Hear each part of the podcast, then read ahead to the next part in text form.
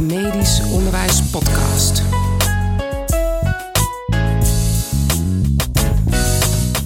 Welkom bij een nieuwe aflevering van de Medisch Onderwijs Podcast.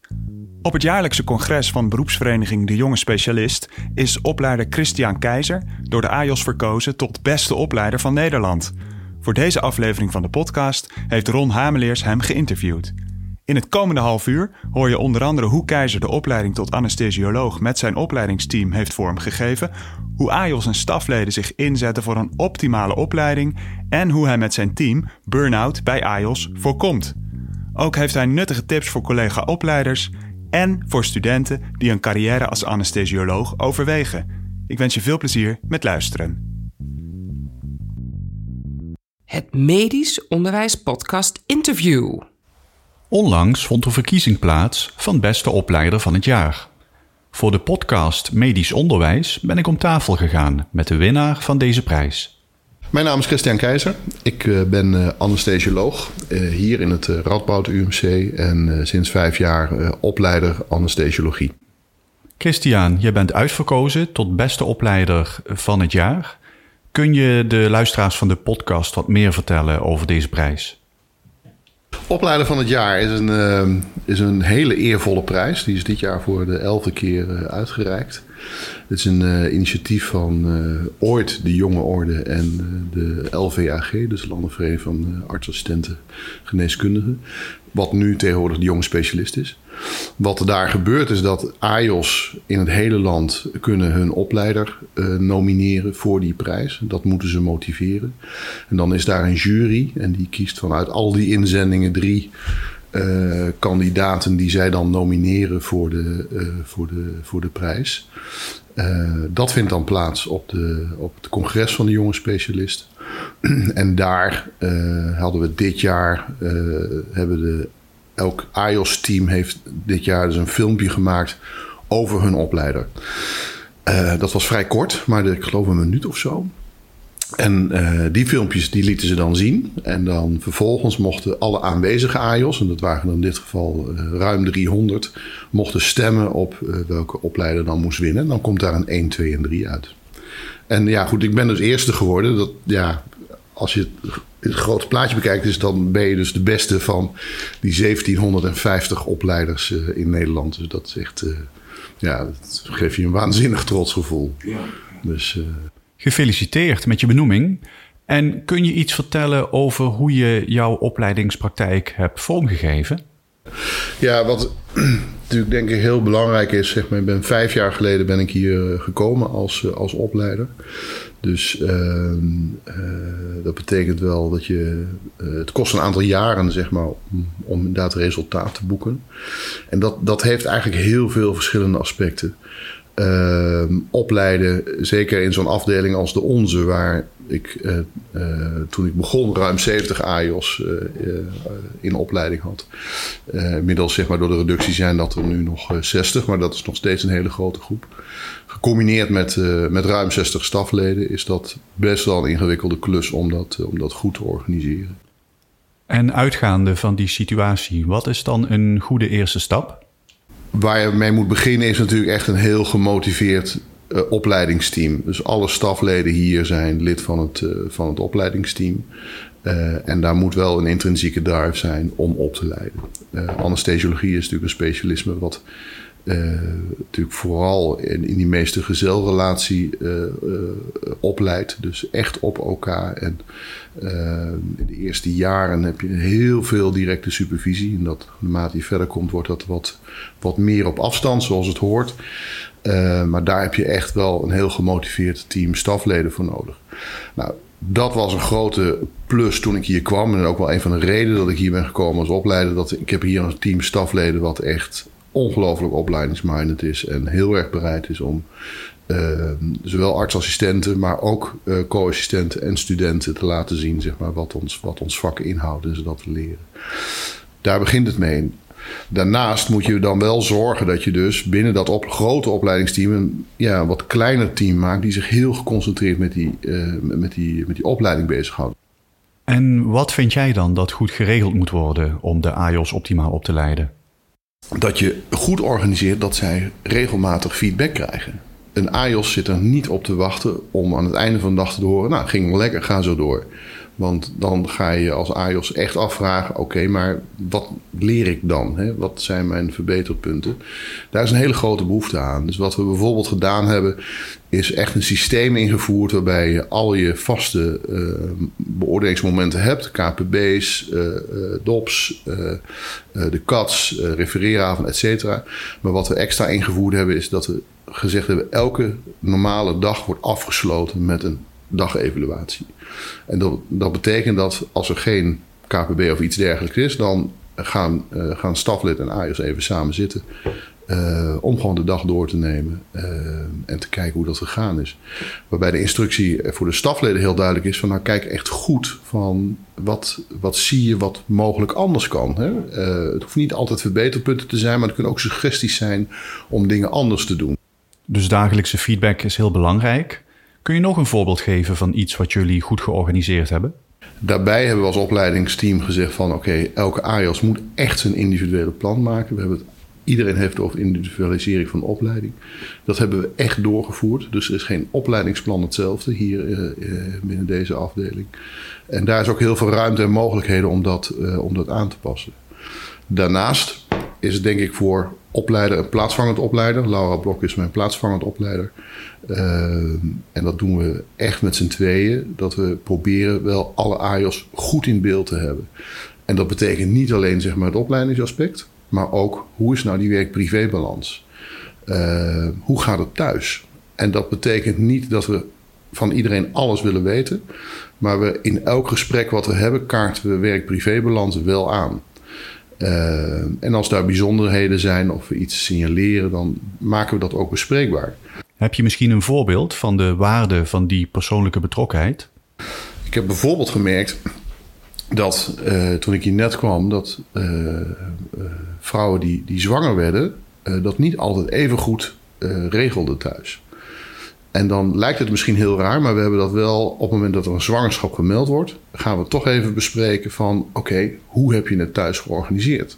hoe, en ook bijvoorbeeld, hoe heb je dat met kinderopvang gedaan? En dat is eigenlijk helemaal niet iets voor mij als werkgever, maar wel iets om te laten zien van oké, we zijn daar wel heel betrokken in en dat we ook kunnen kijken waar kunnen we je helpen. Uh, en dus dat we al op tijd zeggen van nou, misschien uh, is het slimmer om uh, na je zwangerschap ook par, uh, ouderschapsverlof op te nemen. Om te zorgen dat thuis die werk-privé-balans ook beter is. en dat, dan, dan merk ik dat we daar als opleidingsteam, als opleider, plaatsvangend opleider, dat eigenlijk al vaak eerder signaleren dan dat ze daar zelf mee bezig zijn. En wat vinden de AJOS daarvan? Vinden die dat prettig of raar of een beetje eng? Of uh, wat zijn daar uh, jullie ervaringen mee? Wat je daarvan terugkrijgt, en dat heb ik uh, recent nog gehad bij een gesprek zeg maar, aan het einde van de opleiding. Dan evalueren we ook altijd even die opleiding. En deze AJOS zei duidelijk van ja, toen ik begon, toen was ik ook net hier begonnen.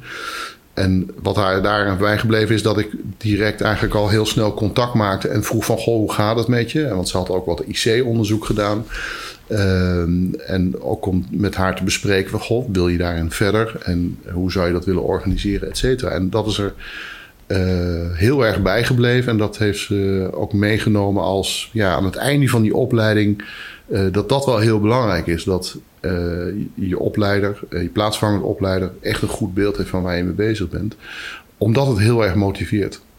daar krijgen mensen ook energie van. Ze voelen zich serieus genomen. Ze krijgen goede ontwikkelmogelijkheden. en ja, dat, dat wordt enorm gewaardeerd. Nou werk ik veel met medisch studenten en ik hoor van heel veel medisch studenten en co-assistenten dat ze veel stress krijgen van het gevoel voortdurend beoordeeld te worden. Als je nou dagelijks feedback krijgt als anesthesioloog in opleiding, is dat dan niet bedreigend of een beetje eng? Nee, ja, in het begin.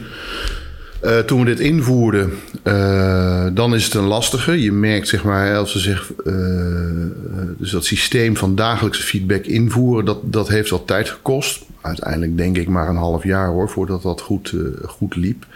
Maar in eerste instantie vindt men dat een beetje spannend. Van uh, ja, dan krijg ik altijd standaard elke dag feedback.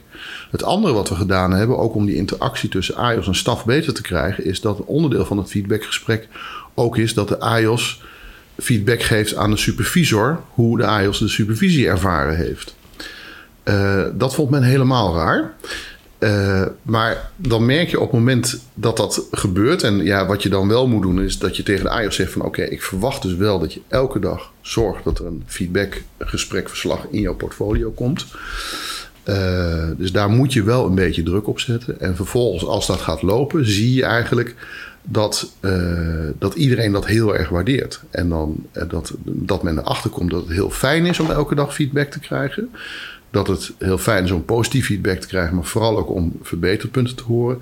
En ook een stafleden het heel fijn vinden, want over het algemeen krijgen ze te horen dat de supervisie als heel positief ervaren wordt. Dus daar zit helemaal niks engs aan. En wat is nou het grote voordeel voor de AJOS van die dagelijkse feedback en die dagevaluatie? De belangrijkste kracht, denk ik, van zo'n dagevaluatie is, en dat hebben de AIOS ook gemerkt, we kunnen allemaal wel eens een slechte dag hebben. Maar als je dat dag in dag uit evalueert, dan heb je eens een keer een mindere dag. Voor de beoordelaars is het heel belangrijk om een duidelijke groei in die leerlijn te zien. Dus dat, men echt, dat je echt een ontwikkeling ziet van de AIOS, dat het ook inderdaad steeds beter gaat. Uh, en in feite werkt dat ook heel erg beschermend voor de AIOS. dus dan, want je kunt je ook voorstellen als je het heel subjectief doet, en dat was ook het oude systeem toen ik hier kwam. Uh, dan doen we één keer in de drie maanden beoordelen we alle AIOS in een stafvergadering. Dan heeft iemand één keer een negatieve ervaring en die wordt in zo'n stafvergadering maximaal uitvergroot. Uh, dat systeem doen we nog steeds hoor, iedere drie maanden. Want ik ben ook op zoek naar die, uh, naar die subjectieve beoordelingen. Die hoor ik graag. Maar ik kan hem dan wel leggen naast wat ik objectief vastgelegd heb. En in feite is dat heel erg beschermend voor een AIOS. Dus een AIOS kan niet op basis van enkele incidenten uh, de opleiding uitgeknikkerd worden. en dat zien de AIOS ook heel sterk. En ja, dat kost even wat moeite. Maar nu zitten we, we doen dit al een aantal jaren, dat ik van de beginnende AIOS terugkrijg dat de staflid aan het eind van de dag zegt: hey, we gaan even zitten, even de dag evalueren. Ik kan me best voorstellen dat het voor een AIOS nieuw is om op deze manier te werken en begeleid te worden en feedback te krijgen.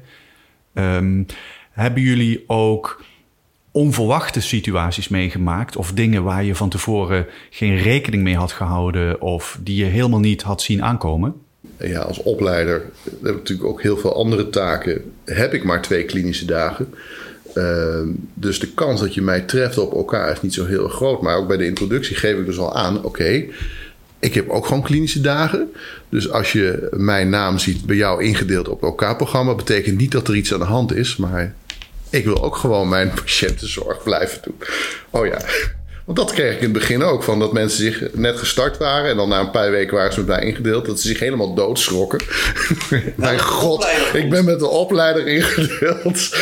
dus, dus weet je, je moet daar wel aan alles denken. Ja, ja, ik kan me voorstellen dat dat inderdaad een beetje onverwacht was. Um, hey, op het niveau van de opleidingsvergadering en dergelijke. Hoe zie je daar eigenlijk de rol van de AJOS? Uh, welke bevoegdheden en taken hebben ze? Hoe is die samenwerking? Kun je daar wat over vertellen? In die opleidingsvergadering, daar zit een belangrijke delegatie artsassistentenvertegenwoordigers in. Uh, en die krijgen ook een hele duidelijke rol. Als wij dingen aan willen passen in de opleiding, dan krijgen ze daar ook echt een taak in om dat ook uh, uit te gaan voeren. Dus we verdelen dat werk, uh, zodat er in altijd alles wat we doen, altijd voldoende draagvlak is op het moment dat we dat dingen gaan implementeren. Daarmee maak je de AIOS zelf verantwoordelijk. Maar ook, ook dat heeft tijd gekost om ze in die modus te krijgen. En vervolgens merk je dus dat ze op het moment dat ze het doorhebben, dat ze denken van ja, eigenlijk heb ik maximaal controle over mijn eigen opleiding. En dan gaan ze het heel erg leuk vinden. Maar in eerste instantie wordt het als eng ervaren. En dat hoor je ook als ik uh, lessen geef in, in, in ons programma Opleiding Klinische Praktijk, Teacher Teacher. Uh, krijg ik steeds vragen van hoe krijg ik nou AIOS in die modus dat ze zelf bij gaan dragen aan die opleiding. Ja, en dat is in mijn ogen eigenlijk maar één manier om te zorgen dat je ze ook daadwerkelijk echt verantwoordelijk maakt. Dus uh, zorg dat er voldoende goede coherentie is in zo'n AIOS-groep. En bespreek dan ook wat, gaan we, wat kunnen we samen aanpakken. En geef ze ook die verantwoordelijkheid en delegeer dat dan ook. Ik vind dat heel interessant. Want eigenlijk spreek je de AIOS aan op coherentie in de groep. En ja, probeer ze daarmee ook te helpen en op een betere manier uh, door hun opleiding heen te komen. Maar ik hoor van veel studenten en ook van co-assistenten dat ze juist heel veel onderlinge concurrentie ervaren. Doordat ze bijvoorbeeld met z'n allen, eh, of in ieder geval met, met een groep, op zoek zijn naar een bepaalde opleidingsplaats. Hoe ga je daarmee om in jouw AJOS-groep? AJOS hebben daar minder last van. Ehm, omdat ze al in opleiding zijn. Uh, en daar zit geen competitie meer in. Dus dat is denk ik wel een hele belangrijke. Tegelijkertijd is die uh, zo'n grote groep AIOS, uh, maar ook in een kleine groep AIOS, weet je, dat maakt niet zoveel uit. Maar dan, die coherentie is wel van belang. Dus toen ik hier kwam, was die AIOS-groep was redelijk loszand. Er waren allemaal kleine clubjes die een beetje, je kunt je dat misschien wel voorstellen. Uh, dat hangt aan instroommomenten een beetje bij elkaar, maar dat was heel erg versnipperd. Uh, AIOS-vertegenwoordigers, dat waren er twee of drie. Heel divers vanuit de opleiding. En wat ik gedaan heb in de eerste jaren is inderdaad daar toch heel erg aan gewerkt van jongens, ga nou eens uh, goed met elkaar samenwerken. Wat ze bijvoorbeeld niet regelmatig deden, is, was gewoon een artsassistentenvergadering. Dus van nou, weet jullie moeten gewoon ga een artsassistentenvergadering uh, plannen. Alleen voor jullie zelf. En ga bespreken hoe je de vertegenwoordiging wil hebben in, in het opleidingsteam. Oké. Um, en zijn er dan nog bepaalde agendapunten of bepaalde speerpunten die je ze meegeeft om meer handen en voeten te geven aan zo'n vergadering? Probeer nou eens wat een aantal dingen, gezamenlijke doelen te definiëren. Wat, wat willen we met die opleiding? Hè? Gewoon in overview, niet vanuit persoonlijke belang, maar wat willen we als artsassistentengroep in die opleiding? Daar is heel veel uit voortgekomen. Uh, daarmee zijn we ook verder gegaan met intervisie. En dan zie je dus dat daar meer, uiteindelijk meer gemeenschappelijke belangen komen. Dat kost een paar jaar uh, om dat op te zetten. Uh, maar, en dan vervolgens ook zeggen van per jaar. De opleiding anesthesiologie is vijf jaar. Dus ik wil ook eigenlijk in die assistentvertegenwoordigers... wil ik uit elke jaargang wil ik een vertegenwoordiger hebben. Nou was een van de punten waarop jij bent verkozen tot beste opleider van het jaar... Uh, de manier waarop je hebt geregeld dat de AJOS zoveel mogelijk aan hun eigenlijke taken toekomen en daar ook, uh, daarvoor ook de stafleden bepaalde taken hebt teruggegeven. Um, dat vind ik ook een heel interessant verhaal. Uh, kun je eens vertellen hoe dat gelopen is? We hebben eigenlijk gewoon een kleine werkgroep gemaakt met mensen uit het opleidingsteam, waaronder ikzelf en een aantal artsassistenten. Uh, mensen van het bedrijfsbureau die cijfermatig ons ondersteunden. Uh, en mensen ook van Centraal die ons ook cijfermatig uh, ondersteunden. Om zeg maar het hele alles in kaart te brengen. Wat doen we nou? Wat doen die AIOS ook daadwerkelijk in productie? En gezamenlijk zijn we gaan kijken, oké, welke productie heeft een opleidingsdoel en welke productie niet? En op basis daarvan hebben we een aantal uh, AIOS-taken eruit kunnen halen... die eigenlijk geen opleidingsdoel dienden, maar alleen klinische productie hadden. En dat hebben we uiteindelijk toch verschoven naar staf. Maar dat hebben we gezamenlijk gedaan. En door dat, samen te doen, was er ook meteen draagvlak om dat uit te voeren. Ik hoor je eigenlijk vertellen dat jullie op een heel harmonieuze manier dit hebben aangepakt. Maar goed, dan moet het in de praktijk nog gebeuren. Ik kan me voorstellen dat daar nog wel wat weerstand was. Ja, ja de staf heeft het ook niet die heeft niet staan juichen om een aantal taken uh, over te nemen. Want dat werd altijd door AIOS gedaan. Ja, weet je, dat zijn ook meestal niet de meest uh, inspirerende klinische taken die je als specialist hebt. Uh, en dan druk ik me maar voorzichtig uit. maar door dit samen te doen, is, is men het wel, is, heeft men het wel opgepakt. Het feit, deze prijs is wel de ultieme blijk van waardering uh, van mijn AIOS-groep dat we daar goed in bezig zijn geweest. Want ook de AIOS hebben het niet allemaal, toen ik daarmee begon, als vanzelfsprekend gezien. Hè, wat we net ook aangaven, die, ja, zo'n dagevaluatie is best wel eng. En om bijvoorbeeld samen met staf te gaan zitten om te kijken van ja, hoe gaan we het doen met die klinische taak van AIOS, die misschien wel bij de AIOS weg moeten, zo'n discussie aangaan, die vonden ze ook wel spannend. Aan de andere kant, weet je, ik heb daar een aantal AIOS echt geweldige groei zien doormaken. Dus, uh, dus ook dat is een deel opleiding om ja, bezig te zijn met bedrijfsvoering in een organisatie. En daar is overal nog heel weinig aandacht voor. Uh, maar als je dat mee kunt pikken als, uh, als artsassistent in je opleiding, dan heb je wel een voorsprong als je op een beetje klaar bent met je specialisatie. Nu we het zo hebben over tips en aandachtspunten voor mensen die misschien een opleiding willen tot anesthesiologie, vraag ik me af heb je misschien ook drie tips voor mensen die ook opleider willen worden, of die al opleider zijn en de volgende stap willen zetten, of die misschien ook de ambitie hebben om een keer uh, opleider van het jaar te worden? Uh, als je echt zeg maar richting uh, de organisatie van de opleiding gaat, dus bijvoorbeeld opleider, plaatsvangend opleider wordt of echt in dat kernteam komt, uh, dan zijn daar een aantal stappen. Dan gaat om te beginnen niet zelf uitvinden.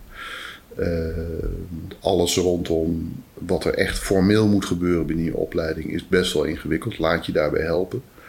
Uh, hier in deze organisatie hebben we daar natuurlijk een centrale opleidingscommissie voor. En mensen van de Radboud Health Academy, van de onderwijskundigen, die je daarbij kunnen helpen. Maar we hebben bijvoorbeeld ook we hebben regelmatig intervisiegroepen voor startende opleiders. Eh, waarin, waarin we groepen bij elkaar brengen. Dus dat is één. Dat is een beetje het formele aspect. Maar twee, hè, zorg dat je, uh, wat ik net aangaf, kijk goed naar je team mensen wat je hebt. Uh, kijk goed naar je team AIOS. Zorg dat je die goed kent. En ja, organiseer het samen met ze. Ga het vooral nooit alleen doen. Ik heb dat in het verleden wel eens moeten doen. op een andere werkplek. Uh, dat is wel heel erg zwaar. Dat, is, dat kan ik echt niemand aanraden. En het is niet nodig. Derde is, zorg dat je die AIOS echt goed kent. Het is niet alleen de opleiding. Het is echt heel belangrijk dat je kijkt van hoe uh, zorg dat dat opleidingsplan ook echt een individueel opleidingsplan is. Laat niet iedereen hetzelfde parcoursje lopen. Zorg dat je daar echt in individualiseert zoals we afgesproken hebben. Maar zorg ook dat je goed kijkt van hoe zit het daaromheen. hoe is die werk-privé-balans? Redden mensen het nog? Um, maak ook een sfeer waarin mensen ook laagdrempelig naar je toe kunnen komen als er problemen zijn. In het begin had ik echt AIOS die gewoon ineens uitvielen. En dan ga je bespreken wat zit daar dan achter. Nu zitten we denk ik in een fase dat op het moment dat ze het zwaar hebben, eh, doordat er thuis allerlei dingen zijn of wat dan ook, dat ze naar ons toe komen van goh, uh, ik loop hier en hiermee vast. En dan is het dus eigenlijk veel makkelijker, want dan kun je eigenlijk zeggen van hoeven mensen niet helemaal uit te vallen. Maar dan zeg je van nou, je gaat één of twee dagen in de week minder werken. Dan, hè, voor die tijd ben je dan misschien maar even ziek. Maar daarmee hou je ze wel in de running. Uh, en vallen ze niet langdurig uit. Maar dat, dat, dat vergt tijd en energie om te zorgen dat die drempel zo laag mogelijk wordt. Ik heb ook nog een vraag over jouw rol als anesthesioloog. Um, want je vertelt een aantal dingen over samenwerking, hoe je met de AIOS omgaat, hoe jullie dingen organiseren. En ik vroeg me af, is in je verkiezing tot opleider van het jaar ook aandacht besteed aan je inhoudelijke vakbekwaamheid vanuit de anesthesiologie? Of is dat een gegeven of een vanzelfsprekendheid? Hoe, uh, ja, hoe, hoe is daar naar gekeken? Nou ja, in zoverre dat, dat uh, als je zeg maar naar die nominatie kijkt, dan wordt daarover gesproken dat ik een heel vakbekwaam anesthesioloog ben. Ja, en dat ik altijd mijn rust bewaar, uh, niet snel gek word. En dat, ja, weet je, dat is ook zo. En als zij in de problemen komen, ja, dan los ik het wel op, inderdaad. Dat is wel, dat, dat is wel een gegeven. Uh, dat, weet je, dat heb ik ook echt wel te danken aan, aan de zeven jaar dat ik in een perifere ziekenhuis heb gewerkt. Uh, waar je natuurlijk ook een dusdanige productie hebt gedaan. Ja, ik heb het vak wel redelijk in mijn vingers, denk ik. En dat, in het filmpje was het ook wel heel erg grappig. Dat, ze hadden daar een soort scenario gemaakt waarbij iedereen eigenlijk zo'n beetje overwerkt was, hè, de AIOS. En uh, toen hadden ze mij afgebeeld als zittende als een boeddha op een OK-tafel die helemaal zen was. en ja, weet je, dat is, dat is denk ik ook wel de, de uitstraling die ik terugkrijg van uh, mij maken ze niet gek. Nee, dat, dat is wel uh, in mijn vak beheers ik dat wel. En dan kunnen ze daar ook wel heel erg op terugvallen. En dat geeft heel vertrouwd. Uh, tegelijkertijd heb ik daar echt een hele uh, afdeling met staf uh, vol van. Met echt vakbekwame mensen. Dus dat is. dus je zegt van ja.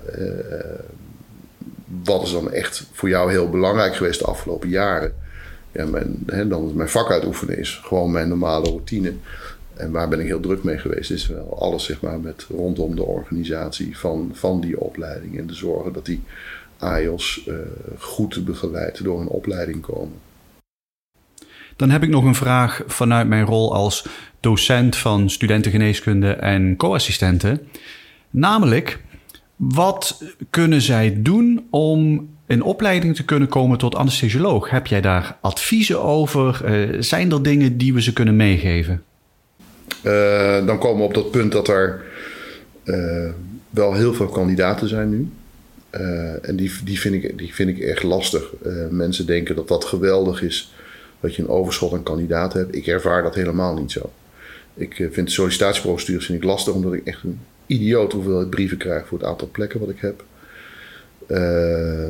En dan merk ik ook dat de studenten zich steeds voor, beter voorbereiden. En steeds eerder voor selecteren op een vervolgopleiding. Die, dat vind ik eigenlijk een ontwikkeling die niet oké is. Uh, in onze opleidingstijd was het toch echt van, nou, je deed gewoon je geneeskunde. En dan ging je daarna vrolijk ergens werken. En dan van daaruit ging je eens rustig kijken van, nou, wat wordt mijn vervolgopleiding? En dat is helemaal gekanteld. Die vind ik, dat vind ik jammer. Uh, tegelijkertijd is dat wel de realiteit door te veel mensen opleiden. Uh, en wat ik op informatiebijeenkomsten ook aangeef is van ja, je kunt daarop voor sorteren. Uh, ik probeer ze daar ook zoveel mogelijk mensen bij te helpen. Dus wat we hier doen, elke student die geïnteresseerd is in het vak, uh, kan een afspraak krijgen bij mij of, of de plaatsvangende opleider om dit soort dingen te bespreken. Van hoe zou je je dan kunnen voorbereiden daarop? Uh, we hebben hier heel duidelijk plek gecreëerd. Dat was er ook niet. Uh, voor wetenschappelijke stages. het keuzekoosschap stond ook al. Maar, toen hebben we op een gegeven moment ook het seniorkooschap ingevoerd hier. Uh, om mensen ook meer ruimte te geven om kennis te maken met het vak. Uh, dus ja, wat is nou belangrijk om uh, uiteindelijk zeg maar, in opleiding te komen? Ja, dat is wat ik eigenlijk tegen alle studenten zeg van dat mensen je kennen. Dus als jij zegt van nou ik wil graag hier in opleiding, nou, dan zorg ook dat je op de een of andere manier toch in contact komt met die afdeling. Uh, en dat je daar wat, uh, wat dingen uh, doet. En dat kan een kooschap zijn, een keuzekooschap, een wetenschappelijke stage. daarna geven we vaak aan zorg dat je in ieder geval een relevante werkervaring opdoet. dus we hebben ook wel eens mensen gehad die ja, toch heel erg op de heelkunde gefocust waren, uiteindelijk niet in opleiding komen. En dan zeggen van nou, dan ga ik naar de andere kant van het laken, anesthesiologie. Dat is geen goede weg, bijvoorbeeld. En dat is, hè, we willen wel zien dat je echt wel bewust kiest voor het specialisme anesthesiologie. Dus dat betekent dat je toch. Uh, intensive care is dan de meest voor de hand liggende, want daar zijn de meeste ANIOS-plekken. Want de ANIOS-plekken, uh, anesthesiologie zijn er weinig. Dus dat is dan relevante werkervaring. Ja, onderzoek helpt, maar is niet, is niet voorwaardelijk wat je bij andere specialismen ziet. dus dat is. Uh, dus dat is eigenlijk een beetje de optelsom. Maar het helpt enorm als we je kennen. En dat is voor elk specialisme wel anders. Dus dat is een andere aanvliegroute. Maar wat ik dus uh, ook laatst onlangs in de Centrale Opleidingscommissie is besproken. Uh, met de opleidingsdirecteur geneeskunde kwam over de verandering van, uh, van de, van de keuzekoosschappen en seniorkooschappen. Dat daar kennelijk zo'n beeld bestaat bij een aantal specialismen. Dat je per se het keuzekooschap daar gedaan moet hebben of het seniorkooschap. Ja, dat is hier echt niet zo. en zo moet het ook. Uh, het liefst zou ik gewoon hebben dat mensen gewoon hun artsdiploma doen, ergens leuk gaan werken en dan. Ja, en dat is, dat is er wel een beetje uit. Dat vind ik jammer. Ik heb nog een laatste vraag. Wat zou jij nou de luisteraars van de podcast, of misschien wel in zijn algemeenheid, wat zou je mensen willen meegeven naar aanleiding van jouw ervaring als opleider en nu dan opleider van het jaar? Wat zou ik mensen mee willen geven? Uh, het leuke is, ik heb laatst, we hebben zo tegenwoordig zo'n prijs dat binnen de afdeling, dat heet staflid van het kwartaal. Die heb ik ook gekregen. Uh, en de bedoeling is dat je na het kwartaal een klein briefje in een doosje doet waarin jouw belangrijkste tip staat. Dus die zal ik opnoemen. Uh, daar heb ik opgeschreven: zorg goed voor je mensen in je team, want dan gaat dat team ook goed voor jou zorgen. Die zou ik mee willen geven. Ja. Christian, dankjewel voor dit advies en ook bedankt voor dit interview.